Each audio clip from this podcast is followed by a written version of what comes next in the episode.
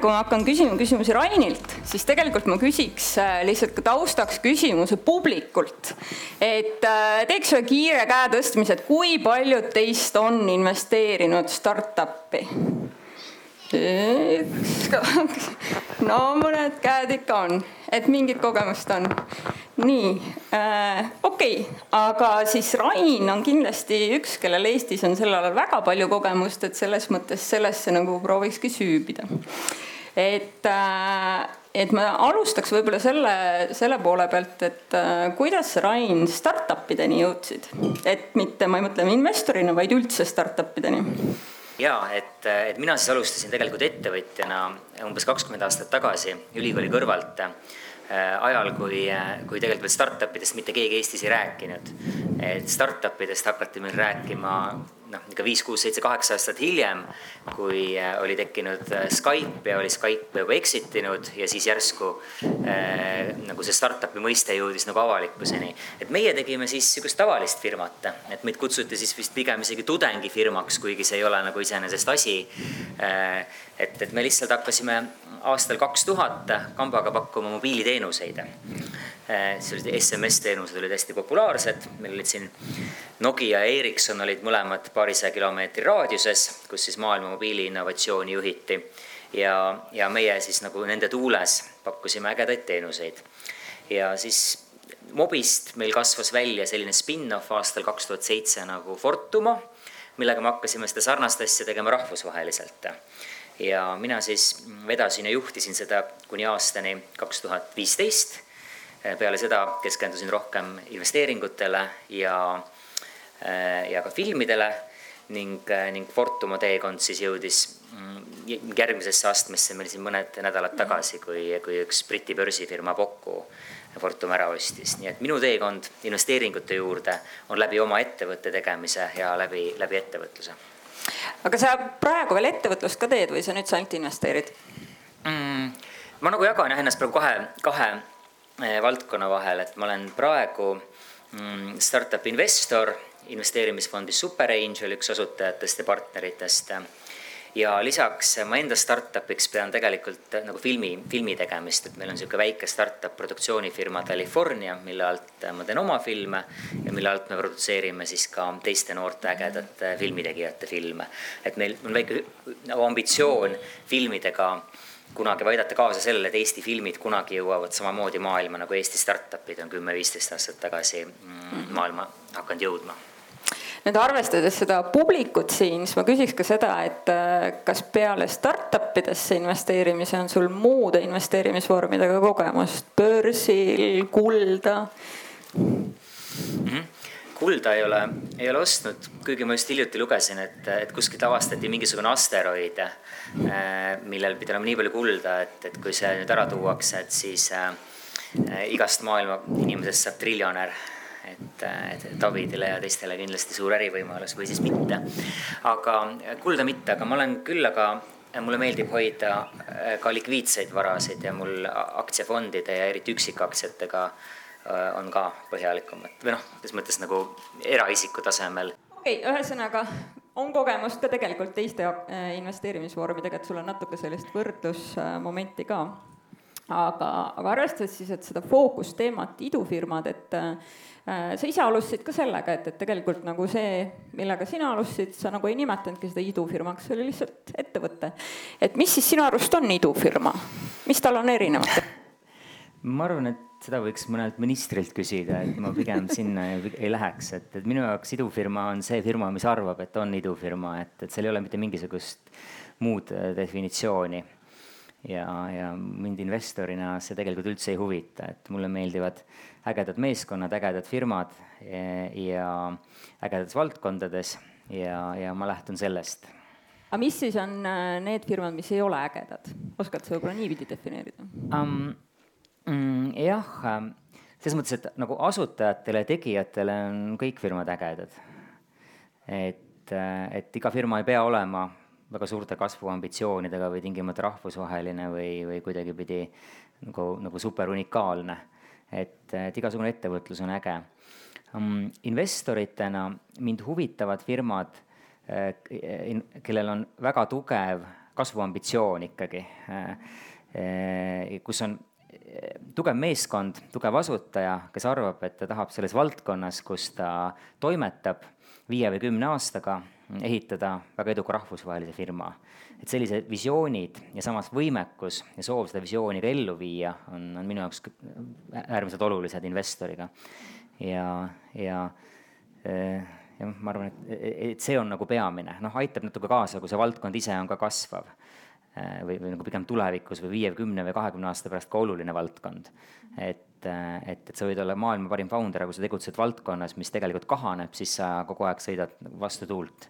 et pigem on investeerida ja noh, teha, pigem on ägedam teha neid asju, kus sa ei pea vastu tuult sõitma, vaid pigem, kus see tuul sulle tagant aitab kaasa kui nendest idufirmadest rääkida, et mis äh, sinu jaoks tundubki, et noh, vahest öeldakse, et see valdkond on selline müstifitseeritud, et seal räägitakse igasuguseid müüte, et mis on sinu arust kõige suurem müüt idufirmade kohta? Ma ei teagi jah, eks need müüdid ole nagu, nagu erinevad, et, et noh, paljud arvavad, et idufirma peab tingimata olema IT või tehnoloogia valdkonnas, absoluutselt ei pea, et ta võib olla absoluutselt ükskõik mis valdkonnas ehm,. siis arvatakse, et, et need idufirmad on nagu tingimata sellised äärmiselt äh, mm, nagu äh, mm, noh, kuidagi mingit pidi nagu, nagu super, super erilised, aga, aga tegelikult sageli ei ole, et, et sageli on ikkagi nagu kamp inimesi, kes teeb koos midagi ägedat, mis neil silmad särama paneb ja, ja nad ei ole selles mõttes nagu, selles mõttes niivõrd erinevad mingisugustest muudest kollektiividest, mis hästi koos toimivad aga mis on sinu jaoks edukas idufirma, et, et mis on võib-olla sinu enda kõige edukam investeeringu idufirma um,? jah, investeeringute mõttes, et, et ma ise hakkasin Äh, idufirmadesse investeerima aastal kaks tuhat kaksteist, kolmteist, kui me olime just minu firmasse Fortumosse kaasanud täiendavat kapitali välisinvestoritelt.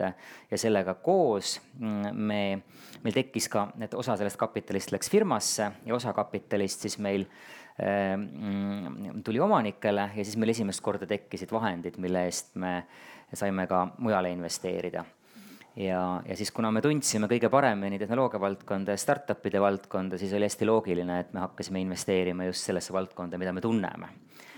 ja siis esimene äh, investeering, mis me tegime äh,, läks aia taha äh,. teine on praegu veel alles äh,. kolmas oli Pipedrive ja neljas oli Bolt või noh, toona Taxify ehk siis, et, et see, et meil üsna varajases faasis õnnestus äh, kahele sellisele Eesti eduloole nagu Pipedrive ja, ja Bolt või noh, kaasa aidata, et see kindlasti finantsiliselt on olnud äh, olnud äh, noh, vähemalt paberil väga-väga väga edukas investeering. aga mis, äh, mis sinu jaoks, kas sinu, noh, kuidas sa hindad, et kas ongi puhtalt rahaline mõõde, mis on kõige parem investeering või on mingeid mõõtmeid veel? Startupide puhul tegelikult on ma arvan, et startup'id on kõige rohkem selline klass, kus tegelikult äh, on kõige olulisem mingi muu mõõde. et, äh, et paljud kutsuvad äh, startup'i investeeringute tegemist maailma kõige kallimaks hobiks. et üsna sageli, kui sa investeerid firmasse, siis on väga suur tõenäosus, et sa seda raha enam mitte kunagi ei näe ja, ja noh, nii ta lähebki, et, et kõik on kuulnud sellest, et mingit, mitte kümnest startup'ist üks fail ib või, või nii edasi. et mis iganes see number on noh, investorina sa võid ka vaadata, kui sa investeerid ühte, kahte, kolme firmasse, et siis tõenäosus, et nendest ükski ei too sulle mitte midagi tagasi, on tegelikult päris suur. ja, ja see tõenäosus, et et, et, et sa kohe nagu esimese viie või kümne startup'i investeeringu juures satud mõne firma peale, kellest saab siis see ükssarvik või, või miljardise väärtusega firma on ikkagi nagu ülimalt väike et see, et, et meil vedas ja see, et Eestis on tekkinud neid, neid ükssarvikuid, kui me vaatame miljonise elanikkonnaga riik ja meil on siin on ju viis, umbes viis ükssarvikut eh, suht lühikese ajaga tekkinud, et see on ikkagi suhteliselt unikaalne, et maailmas ei ole väga palju selliseid miljonilise elanikkonnaga kooslusi, kus, kus sarnane edu oleks kordunud. et neid on võib-olla ühe või kahe käe näppudel. et meil on mõnes mõttes nagu vedanud, et investorina sa ei saa tingimata oodata, et, et, et startup'i investeeringud kohe õnnestuvad et, et selleks, et õnnestuks, tuleks neid nagu piisavalt palju teha. ehk siis äh, minu soovitus ongi võib-olla, et et, jaa, startup idesse tasub investeerida siis, kui sa ise oled valdkonnast tulnud, kui see paneb sul silmad särama või kui mõni startup, sõltumata sellest, mis valdkonnas ta on, paneb sul silmad särama sellepärast, et sa oled ise selle valdkonnaga kokku puutunud või sa suudad sellele startup'ile midagi pakkuda, neid kuidagi aidata ja see, et, et, et ka sealt raha võib teenida, on nagu secondary, et pigem sa investeerid ägedasse meeskonda, sa aitad neid ja sa unustad selle raha ära. ja kui sa kunagi selle tagasi saad, siis see on, on pigem nagu sihuke mõnus, mõnus üllatus. et, et, et pigem ma läheneksin nagu selliselt ja teine, võib-olla niisugune kaalutletum äh, strateegia startup ides investeerimisel on sama, mis aktsiaturule investeerimisel läbi igasuguste fondide või inde-, noh, et aktsiaturul on indeksfondid, et noh, startup ides on ka investeerimisfondid, et noh, meie Super Angel küll hetkel ei, ei võta uusi investeeringuid, aga neid fonde on Eestis umbes kuus-seitse ja maailmas on neid muidugi mm, kümneid tuhandeid sealhulgas ka mõned üsna kergesti kättesaadavad jaeinvestorile, näiteks läbi portaali AngelList, kus on äh, erinevad sündikaadid, kus siis nagu tipp-ingelinvestorid äh, on valinud nagu enda portfelli startup'e, kellesse siis igaüks saab investeerida ka suht väikese summaga. et, et ma pigem soovitaksin fonde kui, äh, kui üksikuid startup'e, välja arvatud, kui see on see üks startup, kellesse sa oled valmis iga hinna eest sisse minema, hoolimata sellest, kas sa oma raha tagasi saad aga ma küsikski, et kas sa, kas sa oled investeerinud ka e isiklikult, selles mõttes mitte nagu fondi või mobi mm -hmm. või, või superangelina. Äh, kui sa investeerid isiklikult versus see, kui investeerid fondiga, kas sul on erinevad kriteeriumid sellisel juhul või sa investeerid tegelikult samade põhimõtete järgi mm,?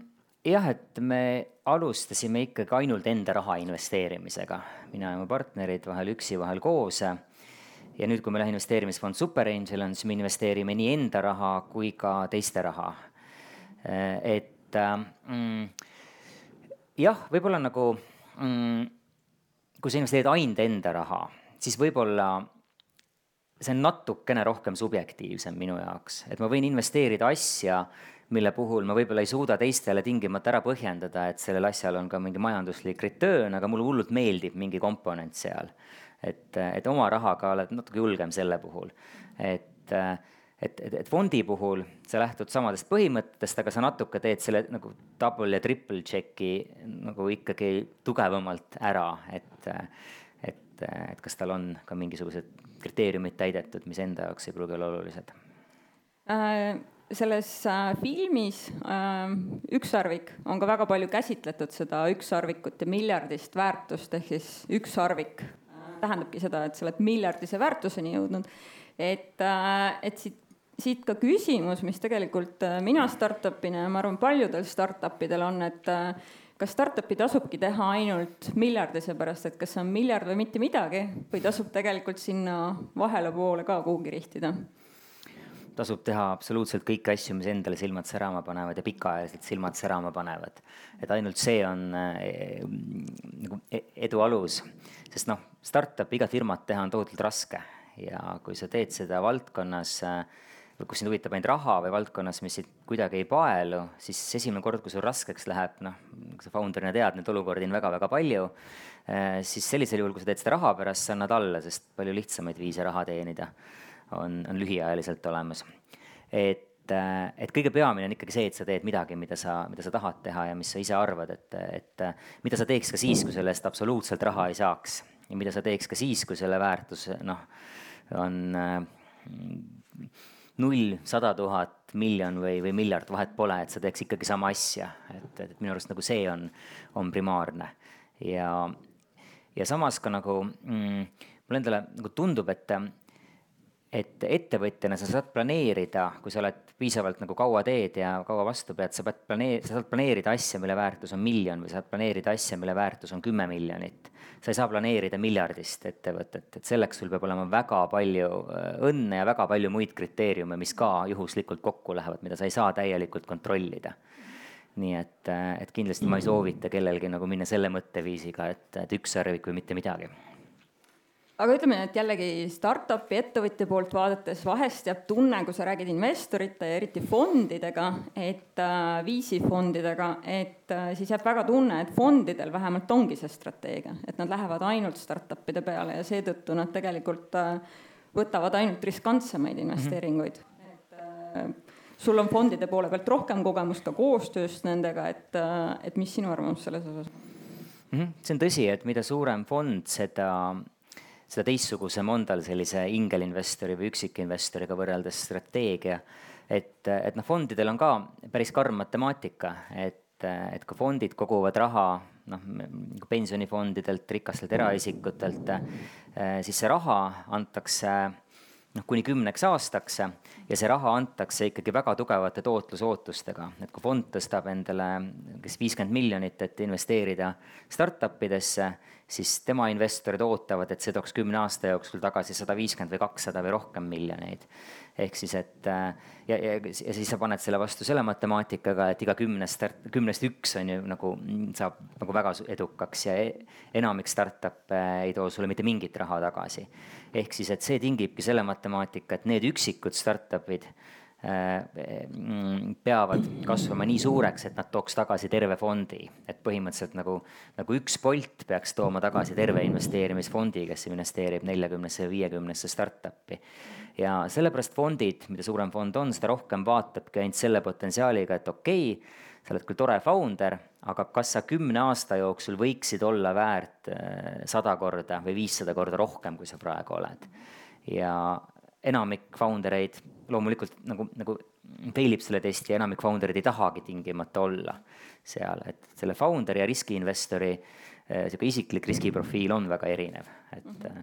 noh, ja sealt need paljud konfliktid, mida loed raamatutest, on ju noh, Silicon Valley kohta on neid rohkem kirjutatud, Eesti kohta vähem, aga meil Ükssarviku filmis ka natukene, et riskikapitali ja founder'i niisugune riskiprofiil on nagu väga erinev, et äh, et, et riskikapitalid, noh, mida rohkem nad on Silicon Valley pool, seda rohkem on nad all, all or nothing, et võtta suuri riske, kui, kui kõik fail ib, siis vahet pole, et meil on viiskümmend järgmist firmat. aga founder'il on see üks firma, tal ei ole viitekümmet järgmist firmat, ehk siis, et tema ei, ei, ei peaks ja ei tohiks sageli võtta selliseid riske, nagu, nagu riskikapitalist võib-olla ootab founder'ilt. Ma pean lihtsalt enda seisukohalt küsima ära selle küsimuse, kuidas sulle Eesti fondide osas tundub, et Eestis on siis ka tänaseks, ma arvan, üks selline neli-viis-kuus juba tegelikult täitsa tugevat, rohkem isegi fondi et äh, kas nende strateegia on ka all or nothing? Äh, ei, ja Euroopa fondidel on ta oluliselt vähem tegelikult selline ja sa võid ka väita, noh see kümme, üks kümnest make ib ja üheksakümnest fail ivad, on ka rohkem sihuke Silicon Valley folkloor tegelikult, et. et noh, praktikas ja Euroopas oluliselt rohkem firmasid jõuab kuhugi. ja, ja tegelikult see pilt on nagu oluliselt palju kirjum. ehk siis, et et jah, et, et, et ka Eesti Euroopa riskikapitalistid suruvad firmat tagant. ka meie, mina surun firmasid tagant, et minge välismaale, vallutage uusi turge, mõelge natuke suuremalt, on ju, tegutsege, vaadake, mis saab. et me kindlasti nagu surume tagant, aga samas meie see riskiootus kindlasti ei ole see, et pane kõik ühele kaardile ja kui välja ei tule, siis vahet pole. et oleme, oleme konservatiivsemad siin piirkonnas nüüd, kui me otsapidi juba siia matemaatika poole jõudsime, siis, äh, siis räägiks võib-olla sellest hindamise poolest ka, et, et kuidas siis tegelikult ikkagi see hinnang ehk siis selline sageli üle kasutatud termin valuation, äh, et kuidas, kuidas see siis äh, startup idele leitakse, et siin eelmises telgis oli, oli ka just arutelu, kus oli väide, et valuation leitakse lihtsalt sealt, kust tuul puhub. et kuidas siis professionaalse investori hinnang, et kust valuation tekib? Noh, laias laastus ta on jah, et samamoodi nagu maasikatel turul, et, et nõudluspakkumine tegelikult on nagu aus vastus. et, et, et valuation ei ole nagu see väärtus enamasti startup firma puhul, mille sa saad kohe rahaks vahetada. Valuation on ootus eh, firma tuleviku suhtes, et igal juhul on sinna see tuleviku ootus sisse ehitatud. ja üheksal juhul kümnest see valuation, kui sa paned ta mingisuguse nagu tüüpili-, noh, üheksal juhul kümnest on valuation liiga kallis. ja ühel juhul kümnest on ta väga-väga-väga-väga odav. aga sa ei tea kunagi, mis on mis. ehk siis sa tegelikult investorina startup idesse oled mak-, nõus maksma eh, üheksal juhul kümnest firmasse sisenemise nimel oluliselt kõrgemat hinda kui see firma kuidagipidi väärt võiks olla, selle nimel, et sa saad sisse ka diili, kus ühel juhul kümnest sa maksad nii palju vähem, et, et see maksab kõik need diilid kinni, pluss veel lisaks. et, et see on see, see on see matemaatika. et kuidas ta investori poolt vaadates tekib.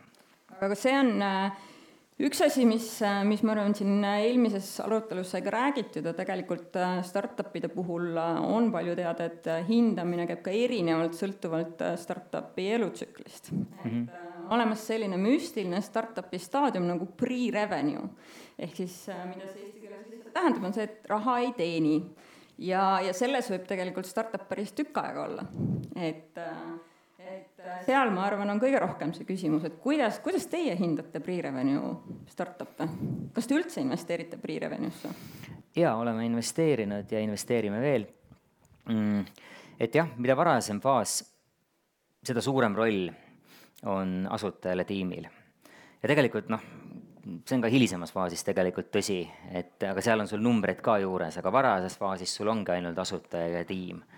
ja siis äh, kunst või, või see teadus ongi see, et, et kuidas sa saad aru, et missugusel asutajal on see potentsiaal ehitada maailmatasemel firma ja missugusel ei ole.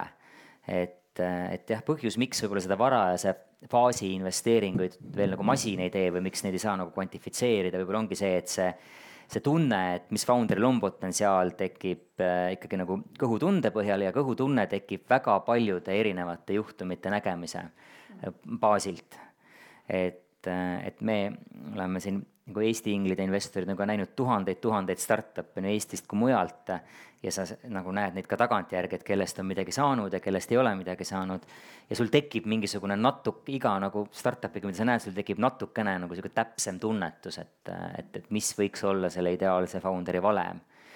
ja lõpuks noh, me ju keegi ei tea, et lihtsalt äh, kogemusega tekib lihtsalt natukene parem arusaam nagu sa isegi ütled, sa oled tänaseks näinud tõenäoliselt tuhandeid, ma isegi ütleks, startup'e, mitte lihtsalt tuhandet ilmselt on ju.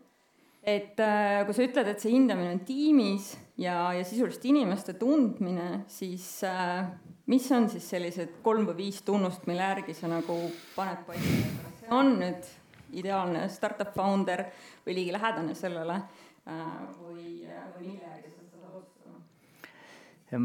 Ma olen aru saanud, et üks asi on see, et äh, motivatsioon on väga palju olulisem kui kogemus. et motivatsioon panna oma elust viis või kümme aastat mingisugusesse valdkonda või mingisse teemasse, et, et selles ehitada midagi suurt, et, et see on nagu super oluline, aga samas ka nagu super haruldane. ja vahel tuleb kogemus kasuks, aga vahel isegi kogemus natukene segab et näiteks investorina, kuna ma olen suht palju oma elust veetnud maksevaldkonnas, kui mulle tuleb mingi maksevaldkonna startup, siis ma olen oluliselt skeptilisem, kuna ma tean kõiki neid variante, mis saavad valesti minna. ja, ja, ja ma pigem ei investeeri, kuna ma näen, et nagu noh, õnnestumise tõenäosus on nagu suht väike. samas see founder vahepeal nagu ikka push ib edasi ja ikka teeb ja leiab mingi viisi, millele ükski kogenud inimene ei suuda mõelda ja, ja siis ikkagi on edukas. ja samas, kui ma tagasi mõtlen, kuidas meil nagu Fortum rahvusvaheliselt edukaks sai, oli samamoodi, et et me tegime SMS-teenuseid, ega me ei hakanud maksefirmat tegema, meil ei tulnud kuidagi pähe alguses, et neid võiks makseteks kasutada. me tegime platvormi, kus igaüks sai luua SMS-teenuse ja siis vaatasime, mida inimesed teevad ja siis avastasime, et oi, et väga palju inimesi kasutab seda makseteenuste loomiseks. ja siis me vaatasime, aa okei okay,, siin võib olla midagi ja, ja siis me hakkasime seda edasi arendama ja teistesse riikidesse viima ja nii edasi. aga et nagu igale maksevaldkonna inimesele tundus absurdne kümme-viisteist aastat tagasi, et, et SMS-i võiks kasutada makseteks, nagu come on, et tehingukulud on kõrged, ta ei ole selleks loodud, seal ei ole mitte mingeid neid nagu põhjusi, miks see on makseteenus aga näe, inimesed miskipärast kasutasid, sest see töötas, see oli lihtne ja siiamaani on ju, kui te ostate seal mingi ajalehe tellimust või seda ühte artiklit netis, siis sageli mobiili teel. okei okay,, oli motivatsioon äh,, kogemus oli so-so mm., mis veel Mi,, mille järgi sa tunned selle founder'i ära? noh, ja siis ongi juba nagu, et loomulikult sind huvitab tegelikult, mis ta varem teinud on ja kuidas ta on varem nagu olnud noh, erinevates olukordades, mitte ainult startup'i olukorras, vaid milleski muus ka et see, kui ta läbi kukkunud jah, on ja sellest õppinud, on tegelikult nagu hea. on ju, samas kui tal ei ole ka mingit kogemust, aga ta on muidu olnud noh, koolis või ülikoolis või varem väga noh, mingitel põhjustel aktiivne, eriline, kuidagi teistsugune, et see on hästi huvitav. ja, ja veel äh, mulle endale ja mu kolleegidele sageli meeldib leida unikaalseid tugevusi, milles founder on ülihea või ülieriline või üliteistsugune, kui et see, et ta oleks well-rounded, et ta igast valdkonnast natukene teab. et pigem väga silmapaistvad tugevused.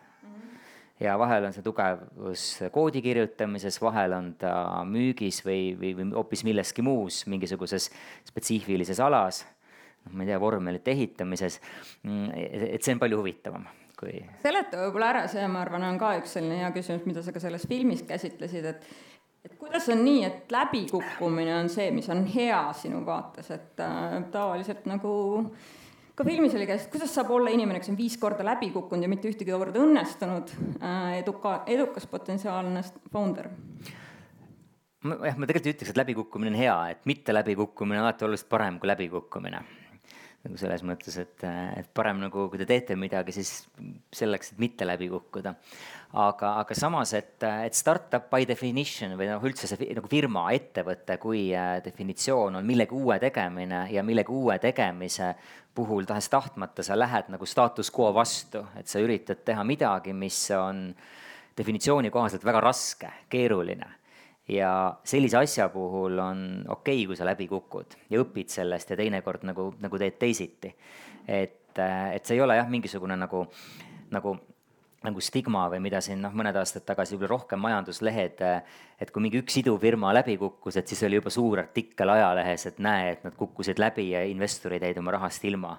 et nagu selliseid artikleid oli päris palju, veel viimasel natuke vähem õnneks aga et, äh, et, et see ei ole uudis, et idufirma läbi kukub, see on uudis, kui idufirma ei kuku läbi. selles mõttes äh, jah, ma arvangi see, see läbikukkumine, kuidas, kuidas nii-öelda founder'i ettevõtte vaatest, mis see tähendab, on tegelikult see, et, et ettevõtjana ma arvan, et enamik ettevõtjaid teavad, et mingis aspektis sa kogu aeg kukud läbi. sa teed mingi plaani, mis läheb mööda, küsimus ongi lihtsalt selles, kas sa suudad ennast kokku korjata ja siis uuesti edasi minna ja näidata, et, et see ei takista sind, et sa oled kunagi elus läbi kukkunud. et äh, selles mõttes on startup idele pigem nagu tüüpiline. okei okay,, aga me rääkisime pre-revenue valuation'ist, äh, nüüd startup'i maailmas siis järgmine staadium on siis see, see staadium, kus siis äkitselt hakatakse teenima raha. Äh, siis on revenue staadium ja kuidas siis äh, hinnata neid revenue startup'e, et ütleme niimoodi, ise ettevõtjana vahest jääb mulje, et selles staadiumis on jällegi fondidel kujunenud välja mingi oma matemaatika, et, et kui on kümme tuhat käivet kuus, siis tasub mm -hmm. juba vaadata alla selle on selline mm, Äh, ja siis äh, A-raundi ei saa teha enne, kui sul on sada tuhat kuus, et tunduvad sellised nagu rusikareeglid olevat kujunenud, et kuidas mm -hmm. tegelikult te sellist revenue'd, noh, raha teenivat startup'i hindate? Mm, ja erifondid on pannud endale mingeid erireegleid jah, mõned firmad siit noh, et, et hoida nagu endal fookust teatud suuruses firmade peale, et siis nad on pannud endale mingid sellised noh, poolkunstlikud reeglid, nagu mida sa praegu mainisid aga jah, et kui firma on juba nagu kaua aega tegutsenud äh, ja tal on käive ja tal on kliendid ja tal on võib-olla isegi mõnel juhul kasum, et, et siis sa hakkad igasuguseid kordajaid kasutama. ja, ja noh, need kordajate puhul sa arvestad järjest rohkem ikkagi seda äh, nagu võrdlusfirmasid, et kuidas teistel võrdlusfirmadel läheb mm,. ja noh, sul tekivad siin mingid valemid, noh näiteks, et SaaS äh, firma väärtus võiks olla näiteks küm-, kümme korda viimase aasta käive või noh, mingid sellised nagu, nagu valemid tekivad Eh, küll aga nagu üks valem, kui sa lähed väga valem, siis kõige, kõige olulisem osa selles on, mida võib-olla sageli, eriti just tavamajanduses nagu alahinnatakse, on kasvukiirus ja noh, seda me tegelikult nägime noh, siin koroonaviirusega väga lähedalt, et miks me märtsis sulgeme riigi ära, et kui meil on viis case'i ainult terve Eesti peale, sellepärast sulgeme, et kui sama kasvukiirus jätkub, et siis kahe nädala pärast on tuhat ja, ja kuu aja pärast on kümme tuhat. et noh, startup idega ja idufirmadega, kus sul on mingisugune sihuke nagu öeldakse, product market fit leitud ja sa lihtsalt nagu, nagu oled leidnud selle, mis töötab, siis see kasv võib olla tohutult, tohutult kiire ja järsk ja selle väärtuse hindamisel on oluline arvestada, et kui niisugune kasv või isegi natuke väiksem kasv jätkub, et kus see firma on viie või kümne aasta pärast. ja see paneb eh, paika need nii-öelda ulmelised ulmelisena tunduvad valuation'id, mis meil siin ka Eesti startup idel nagu Transferwise, Bolt ja muud, muud on olnud. ehk siis, et äh, ja, ja see on ka põhjus, miks, kui sa loed nagu tavainvestoritelt sageli või mingit muu valdkonna investoritelt, et et ma ei tea, Tesla aktsia on liiga kõrge või loed selliseid asju, on ju, et siis tegelikult mida absoluutselt ei arvestata, on, on trajektoor, et ollakse nagu, et see status quo eh, noh, jääbki selliseks, loomulikult on kõrge, kui sa võrdled tänaseid numbreid eh, mingi teise autofirma tänaste numbritega aga kas siis äh, põhimõtteliselt ongi, et selles staadiumis, kus startup teenib juba raha, võikski panna sinna selle masina vahele, mis ütleb nii palju täna käive on, palju kasvukiirus on, ekstrapoleerib selle ära ja saabki sealt numbrid kätte Excelis, nii nagu igas investeerimisvormis mm,? võib-olla, aga samas seal on ikkagi mõned nüansid ja üks nüanss on see, et sa pead ka aru saama, miks see kasv tekib, mis seda kasvu drive ib, et kas äh, ja kas on põhjust oodata, et see kasv jätkub viie või kümne aasta pärast ja isegi hilises faasis sageli see mm, põhjus on sama, mis varajases faasis, ehk siis asutaja ja asutajate tiim, et kui sa vaatad, noh, mis on mm, eh, üle saja miljardise väärtusega firmad, mis on tekkinud viimaste aastakümnete jooksul, on ju, et uued, et Google, Facebook, Apple, Microsoft, eh, mm, Amazon, eh, kõigi nende puhul sa võid selle suhteliselt nagu kergesti tagasi viia ühe isikuni. ehk siis see asutaja, olgu ta Bezos, Zuckerberg, äh, Jobs äh, ja nii edasi, Page, et, et, et ikkagi see asutaja faktor on tohutult oluline ka äh, hilises faasis. Et sul on mingi visionäär, kes nagu iga hinna eest läheb läbi seinte nagu Elon Musk ja viib selle idee ellu ja samas, kui sa loed neid Wall Streeti analüüse, et siis umbes, et vahe, et ma ei tea, Zuckerbergil on aeg minna või Muskil on aeg minna, on ju. sa tegelikult saad aru, et need inimesed ei saa aru, kuidas firma väärtus tekib ja on tekkinud. et, et see on ikkagi founder sa ütled, see on founder, samas on jällegi teada, et eh, eriti Ameerikas on tegelikult mingis, et mingil ajal oli eriti sage, oli see, et A-raundist alates hakati tegelikult nii-öelda tegevjuhi staatusest founder eid välja vahetama, panema, et, et oli mõte, et, et ettevõte kasvab, paneme siia professionaalse juhi asemele. Mm, -hmm. et äh, see oli nende Exceli VC-de mõtlemine jah, et äh, mingi hetk. Ja, ja see on ka muut-, see väga kergesti muutus et, et siis mingi hetk võib-olla isegi mindi selle teise äärmusse, et tekkis võib-olla isegi kohati liigne founder'i nagu kultus, et need founder eid ei check itud ja noh, sealt meil tulid case'id nagu WeWork ja Terranos ja, ja mis nüüd oli Euroopas ka see Wirecard, kus neid noh, muid tšekke ei olnud paigas, et noh, lõppkokkuvõttes sul peab olema äh, balanss, aga väga head founder'id saavad sellest ise aru, et äh, et, et nad toovad iseendale selle meeskonna kõrvale ja, ja see ei ole nii, et mingisugune investor kõrvalt peab ütlema, et kuule, nüüd mina arvan, et founder'il on aeg minna ja siis, siis teeb, teeb selle nimel. et pigem ma soovitan startup idel vaadata fondi ajalugu, aga fondil on komme founder eid välja vahetada, siis pigem see ei ole see fond, kus sa tahad raha võtta. ja seda nii siin kui vällis. meil e-, Eestis väga ei ole neid fonde, aga, aga mujal, mujal on. väga levinud, jah aga okei okay,, nüüd me käisime revenue staadiumi läbi, siis äh, järgmine etapp, mis äh,, mis siis teadaolevalt on startup'is must, on exit. et startup'il peab olema exit või ei pea, mis sina arvad mm,? mina arvan, et ei pea, et, äh, et kui sa vaatad neid firmasid, mis sa mainisid, neist keegi ei ole exit inud, et kõik, kõik, kõik toimetavad edasi. et pigem nagu exit on üks väga paljudest teedest. Et, et sa võid alati teha väga eduka globaalse firma nii, et sa ei võta kunagi investorite raha ja sa ka ei, kunagi ei müü. sa võid võtta investorite raha ja sa võid selle investorite osale tagasi osta hiljem. sa võid võtta investorite raha ja minna börsile ja sa võid ennast siis müüa teistel. et kõik need on hästi erinevad nagu teed ja lõpuks, kui sa firmat tegema hakkad, eh, siis sa väga harva tead, missugune tee lõpuks juhtub et exit'i puhul ka, et eh, niisugune ütlemine, et firmasid ei müüda, vaid firmasid ostetakse ehk siis, et, et pigem alati on see mingisugune õige hetk, kus ostjal on huvi osta.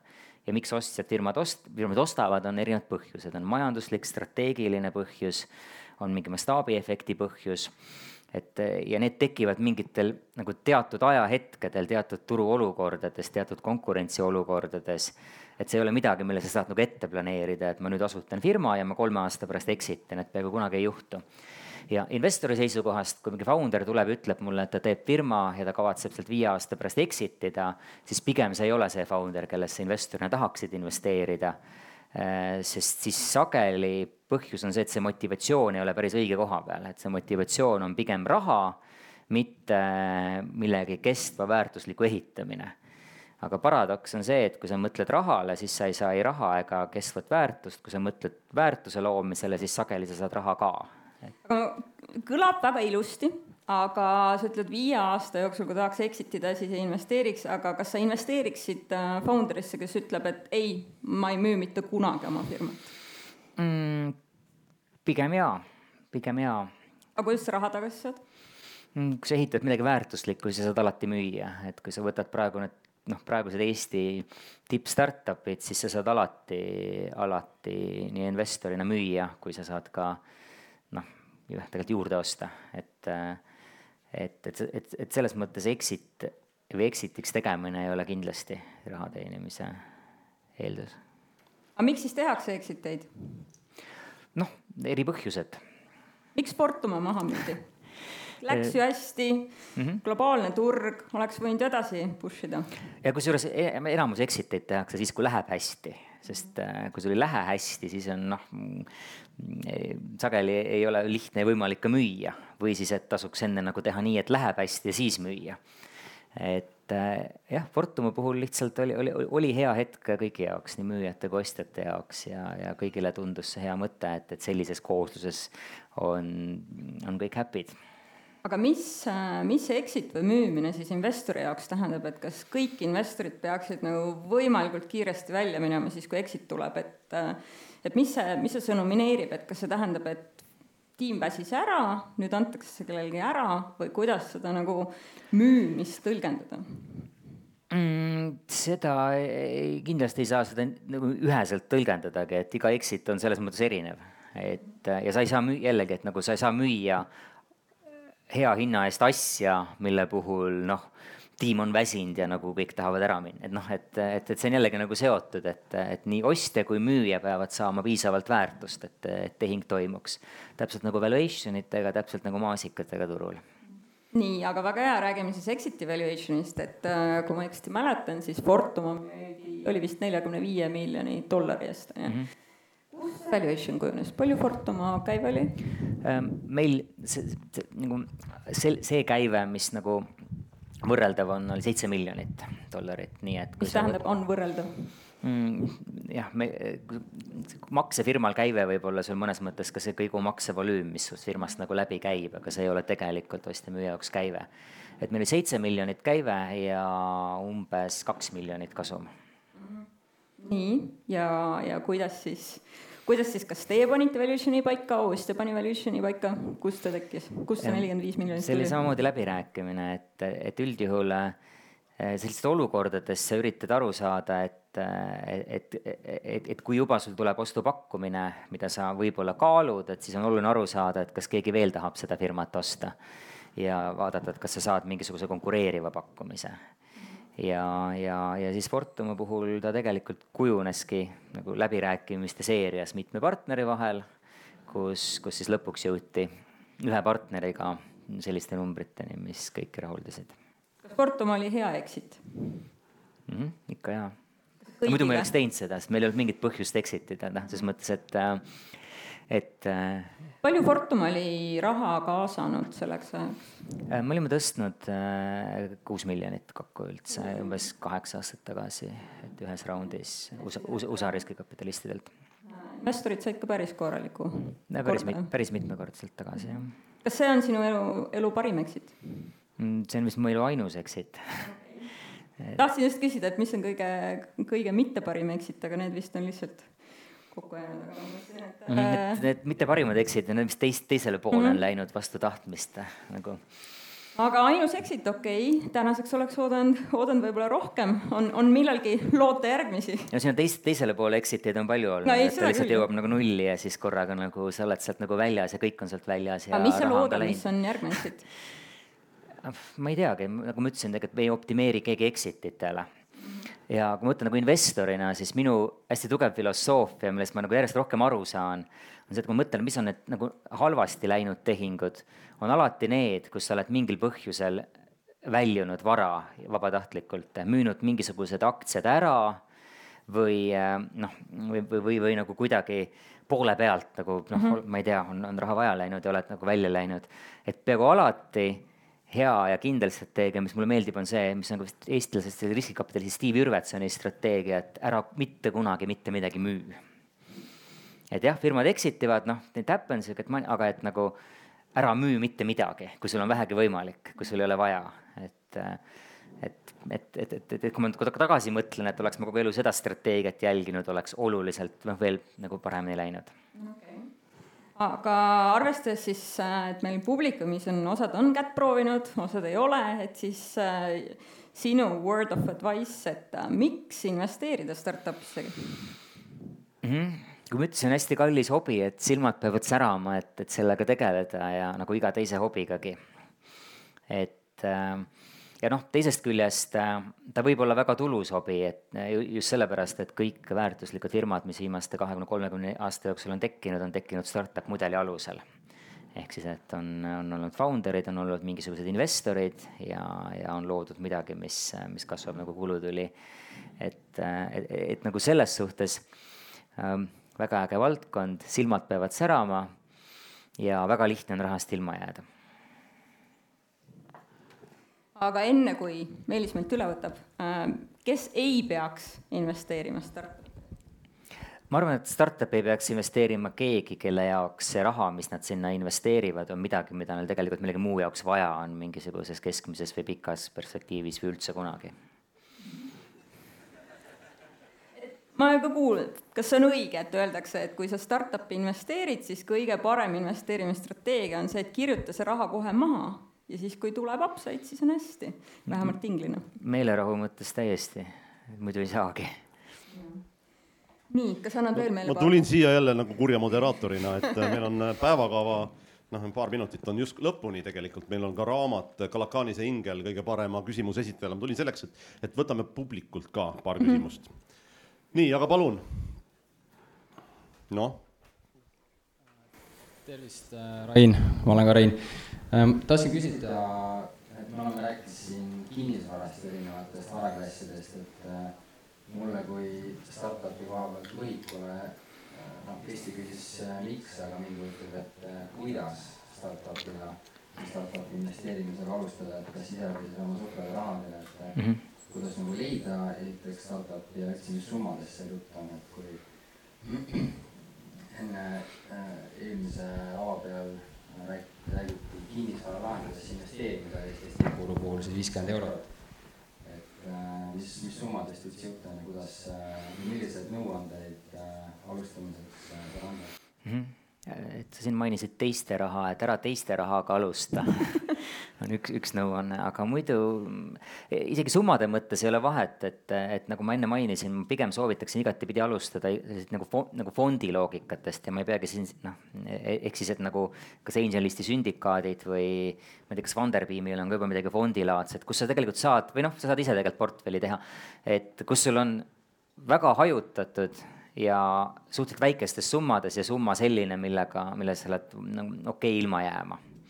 Aga hajutatus on tohutult oluline ja samas nagu äh, see, et sa õpid, et alati, kui sa tehingu teed, et siis sa nagu noh Mm, jälgid seda startup'i ja kui võimalus on, siis ka suhtled founder ite inimestega ja, ja õpid selle käigus. et, et selle õppimise kogu, kogumine on tohutult oluline ja, ja seda saab teha ka üsna, üsna väikeste summadega. aga see on pikaajaline protsess, et seal ei ole niimoodi, et, et ma õpin selle aasta ajaga ära ja siis järsku nagu olen juba täitsa, täitsa kunn.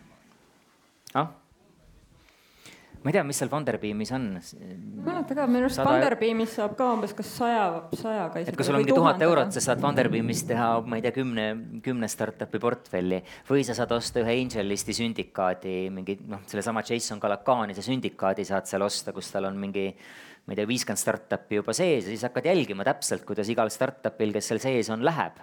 ja siis nagu õpid sellest midagi ja, ja siis vaatad järgmisi sündikaate ja võib-olla ostad mingi kõrvale ja siis vaatad, kuidas, kuidas nendel läheb ja noh, niimoodi sul järjest tekib see. see põhimõte vist peaks olema, nagu ma aru olen saanud, see, et alla kümne startup'i, noh, siis on siis.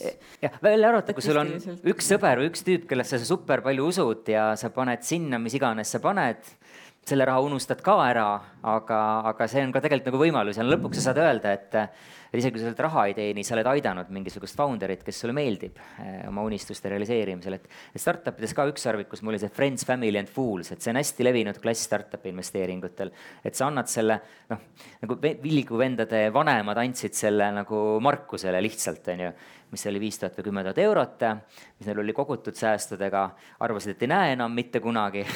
ja siis järsku nagu hakkas sellest, see nagu järsku kasvama ja siis neil tekkis niisugune tohutu paanika, et, et appi, et nüüd on nagu nii suured summad juba ja siis nad müüsid ära ja said oma meelerahu tagasi ja nüüd selle raha eest aitavad siis haridust ja kõiki muid ägedaid asju, et, et niisugune friends, family and fools story on, on hästi tüüpiline startup rahastuse eh, lugu ka. ja siit lavalt viimane küsimus sinna meil on natukene, Rain vastab ka hiljem, ma kohe räägin, kui siin esinemine lõpeb, nii et saate, mõned teist saavad veel esitada veel küsimusi, aga palun. kuidas Eesti tingimustes kõige paremale deal flow'le ligi saada mm? -hmm ma, ma tahaks öelda nagu enda, et üks viis kindlasti on teha ise startup ja olla nagu founder'ina selle tee läbi käinud, et, et siis tahes-tahtmata sa tunned ka teisi founder eid ja nii edasi, nii edasi kui seda ei tee, siis, siis võib-olla lihtsalt igasugused äh, startup'i üritused on päris huvitav koht, et meil Eestis toimub väga palju, meil siin endal Palo Alto klubis, Telliskivis ja, ja teistes kohtades ka, et, et, et kuidagi tulla sellesse community'sse läbi ürituste ja vaadata, jälgida, network ida inimestega ja tahes-tahtmata kuna Eesti on nii väike riik, kõik tunnevad kõiki, kõik on väga sõbralikud startup community's, et, et, et tahes-tahtmata sa saad niimoodi tuttavaks päris ägedate founder itega. nii ja, mis küsimus on raamatut väärt, Rain? aa, mina pean valima või? sina, noh, jah. Äh, mõle-, mõlemad olid head. ei, sa saad ühe. ma saan ühe valida nii, aga anname sellele viimasele küsimusele. viimane siis tuleb pärast läbi siit. okei okay aitäh. Kristile ja Rainile. aitäh. ja ma näitan ka kaanepilti investori ajakirjaga on Kristil selline, ole hea, palun. ja Rain on. Kuule, sa oled sama kampsuniga no,. kas sul on neid mitu nagu tavaliselt, ongi nii? mul on palju? mitu, neid saab osta ka kusjuures. sul on neid? Hockeystickstore.eu, kes tahab endale Palo Alto pusa, siis sealt saab. okei okay., aitäh. aitäh